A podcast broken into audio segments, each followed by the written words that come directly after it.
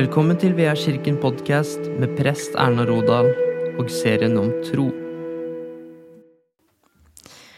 Velkommen til Vea kirkens podkast og serien om tro. I dag så har vi fått besøk i studio.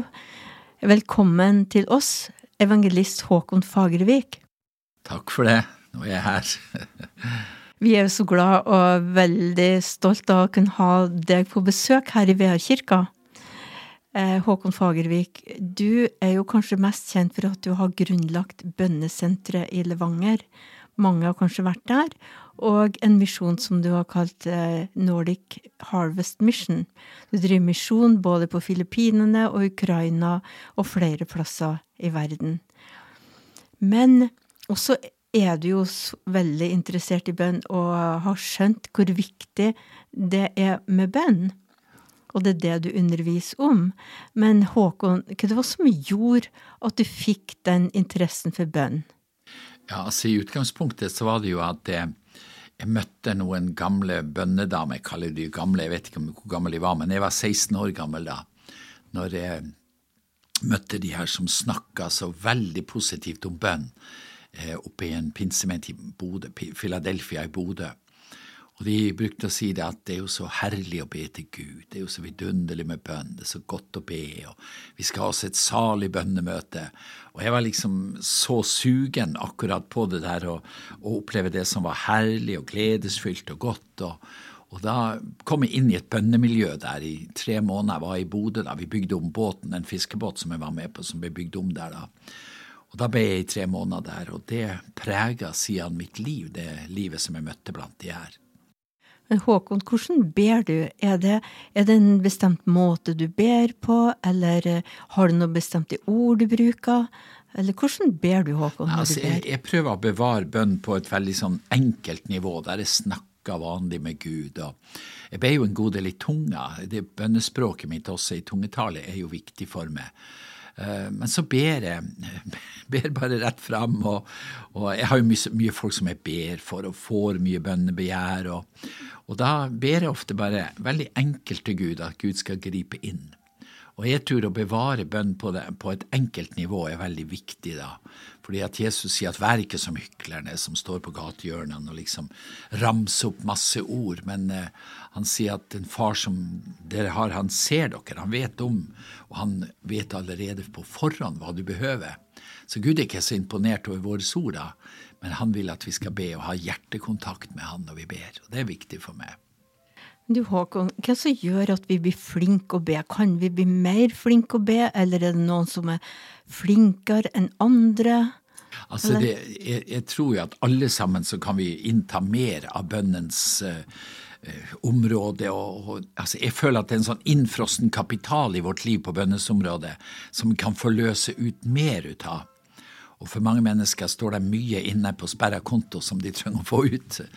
Og, og, men det, hele tida er det jo snakk om vår oppmerksomhet og tid, og ikke minst tid da, til å, å søke Gud. og og jeg opplever, altså jeg er ikke en sånn veldig strukturert type. Jeg har jo venner som er så strukturert, som har den bønnetida og den bønnetida. Og jeg, jeg føler, at, føler, at, det fyller mer av dagen min. Jeg er jo med på mye bønn på bønnesenteret når vi ber i sammen. Det er jo veldig fint da å få lov å stå sammen med andre og be. Uh, og ellers så går jeg der og sukker, men morgenen er viktig for meg. Da leser jeg Guds ord, da ber jeg, da søker jeg Gud. Og så har jeg Eh, bønnekort i eh, brystlommen min som jeg trekker opp, og som jeg ber for. Der har jeg barna mine, barnebarna og, og masse andre på bønnelista mi som jeg også ber for. Så det, ja, det er så mange måter vi kan be for. Og jeg tenker på En del av vår personlighet kommer jo veldig sterkt fram i bønn, hvordan vi ber. Noen er fascinert av det mer, mer kontemplative, med, med mer retrit og sånt. Andre er fascinert av den aktive bønn. og ja. Men jeg, jeg, føler at det er en tradisjon som jeg ønsker å fremme når jeg drar rundt, og, og, det er det her som jeg kaller for vekkelsesbønner. Det som de folket som har tro på vekkelse, og som ber at Gud skal gripe inn. Og at det skal komme en atmosfæresforandring, en klimaforandring i landet vårt, der det igjen kommer vekkelse over stedet. Og det er veldig opptatt av. Ja, for Håkon, eh, hva skjer egentlig når vi ber? Ja, altså, jeg, jeg, tror jo at det skjer masse med oss når vi ber. Det skjer my, veldig mye med mitt hjerte og min personlighet gjennom bønn. Og så tror jeg at, at Gud har, har, kalt oss til bønn fordi han, han, ønsker at vi skal være hans medarbeider. Paulus sier det i Korinterbrevet, sier han. Jeg er en Guds medarbeider, sier han. Og da får vi i bønn får vi lov å samarbeide med Gud gjennom det som han allerede har på sitt hjerte. Og han vil lede oss i bønn, han vil eh, hjelpe oss når vi ber. Paulus, han, I romerbrevet så snakker Paulus om sin egen svakhet i bønn. Jeg vet ikke hvordan jeg skal be, sier han, men Ånden kommer meg til hjelp i min svakhet og ber for meg med sukk som ikke kan uttrykkes i ord. Og eh, Der tror jeg ligger så mye at, at Herren får lov å lede oss i bønn. og eh, og da skjer det noe. Jeg tror det skjer noe med atmosfæren på stedet vi ber for, ikke minst. Altså Bønnemøtet i Jerusalem på Øvre Salen viser veldig klart at det skjedde en atmosfæresforandring i Jerusalem. Både på grunn av at Den hellige ånd falt, men plutselig så oppdager de bønnemøtet som det store gjennombruddskraften til vekkelse. Og det brukte de da ut gjennom postelens gjerninger, ser vi det. At de ba, og det skjedde, de ba, og det skjedde, de ba, og det skjedde. Sånn var det egentlig. Så det forandrer klimaet og andre atmosfæren når vi ber. Der det bes og der det lovsynges, da blir stedene lettere å bli frelst på, tror jeg. Har du et uh, vitnesbyrd som du ønsker å dele for oss? Noen ting, En gang du ba for noen ting, og så fikk du bønnesvar? Ja, jeg har, jo, jeg har jo, mange, og det å, å klare å sortere det, det, er ikke, det, er ikke, like enkelt bestandig, da. Men jeg har jo opplevd mange bønnesvar, og der Gud, Gud veldig konkret har kommet til, da. Og jeg, jeg, har jo et, et, en eksempel fra da jeg var helt ung evangelist og veldig uerfaren. Så kom jeg ut til Lofoten, ut til Reine i Lofoten og hadde møter der. Jeg, jeg, en bror, jeg har en bror som heter Kai, og vi reiste i lag da og sang og samla mye folk. Overalt hvor vi kom, var det mye folk. Men på Reine var det så tungt og hardt, men helt fullt på bedehuset. Og vi måtte bare fortsette da med de her tunge møtene. Det var liksom ikke noe gjennombrudd. Og så kommer det ei pinsedame som bodde der ute, og så sier hun nei, gutta, det her går ikke, her må vi be oss igjennom, sa hun. Og så spurte hun hva mener du med å be oss igjennom? Ja, vi må jo be oss igjennom så det blir vekkelse, sa hun.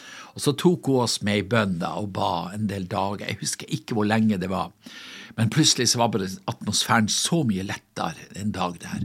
Og så sa hun kjenner dere det, gutta, nå kommer det, nå kommer vekkelsen. Og da kom det en veldig sånn kraftfull vekkelse over Reine. Der mange ble frelst. Det ble dannet menighet etter den vekkelsen, og, og, vi fikk stå i veldig rik tid. Og da var det så klart at det var en sånn nøkkel som heter bønn, som ble brukt til å låse opp noe på Reine, så vekkelsen kom. Vi er jo ei kirke i eh, Tønsberg. Vi tilhører Tønsberg domprosti. Og nå spør jeg deg, Håkon, kan du be for Tønsberg domprosti? Ja. Be for folket. Kan du be for stedet her for oss? Ja, det kan jeg gjøre. Ja. Jeg takker deg, Herre, for at du ser dette stedet, og jeg, jeg ønsker å si til området her på eh, denne bydelen her, Tønsberg, Herre, at Tønsberg, du er ingen farløs by, du tilhører din himmelske Far. Og jeg ber at folket i Tønsberg skal få lov å erfare at de blir dratt med kjærlighetens rep, der Gud tar tak i dem og drar hjertene inn til seg. Og jeg ber Herre om en, en, rik tid i de forskjellige menighetene rundt i Tønsberg. Du ser her på Vea kirka, far, så ber jeg at du skal ved Din Hellige Ånd, dra mennesker inn til gudstjeneste, til bønnelivet som foregår her, at det er nye mennesker som kan komme inn og få oppleve din godhet og din nåde over sitt liv. Takk, Jesus, for du har sagt at alle de som tar imot det, får rett retten til å bli ditt barn, de som tror på ditt navn. Og jeg ber at du skal gjøre det nå her, at mange må oppdage og få fellesskap med Gud som far, få oppleve frelsen i Jesus Kristus, og få erfare at du er en god Gud som har gode tanker og planer med deres liv. Velsign de som lytter til denne podkasten, Herre. La din velsignelse og nåde være over deres liv, at de kan få kjenne det og kjenne det dypere for de som allerede er kristen. Velsign Erna i det hun står i, velsign de som jobber her. Takk, Herre, for du vil bruke oss i denne tida til vekkelse og liv for folket vårt. Det ber vi om i Jesu navn. Amen. Håkon Fagervik, takk for at du kom og var med oss i studio her. Og du som lytta til, takk for at du lytta til VR-kirkens podkast. Ta imot Herrens velsignelse. Herren velsigne deg og bevare deg. Herren la sitt ansikt lyse over deg og være deg nådig. Herren løfte sitt ansikt mot deg og gir deg fred.